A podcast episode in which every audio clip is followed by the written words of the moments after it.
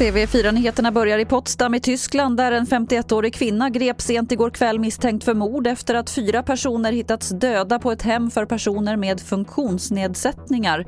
Enligt tyska polisen handlar det om synnerligen grovt yttre våld. Något motiv har inte kommit fram än. Jonas Källgren är på plats i Tyskland. Nej, än så länge har polisen inte gått ut med information om något motiv. Det här med yttre våld som polisen pratar om, det är något som vi inte har sett tidigare. Eh, så det är väldigt oklart vad det skulle vara för motiv eh, i ett sånt här fall. En strumpa som hittats i ett skogsområde i Ljungby i december tillhör 17-årige Mattias som försvann efter en fest. Det här rapporterar SR. Det har kommit fram efter att Mattias mamma på egen hand låtit DNA-testa strumpan eftersom polisen, trots att mamman vädjade till dem, valde att inte göra det. Till sist kan vi berätta att det gjorts ett mycket ovanligt fynd i Västra Götaland, skriver regionen i ett pressmeddelande.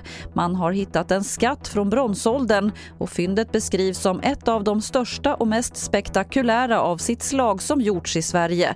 Exakt vad det är man har hittat ska avslöjas på en pressträff senare idag.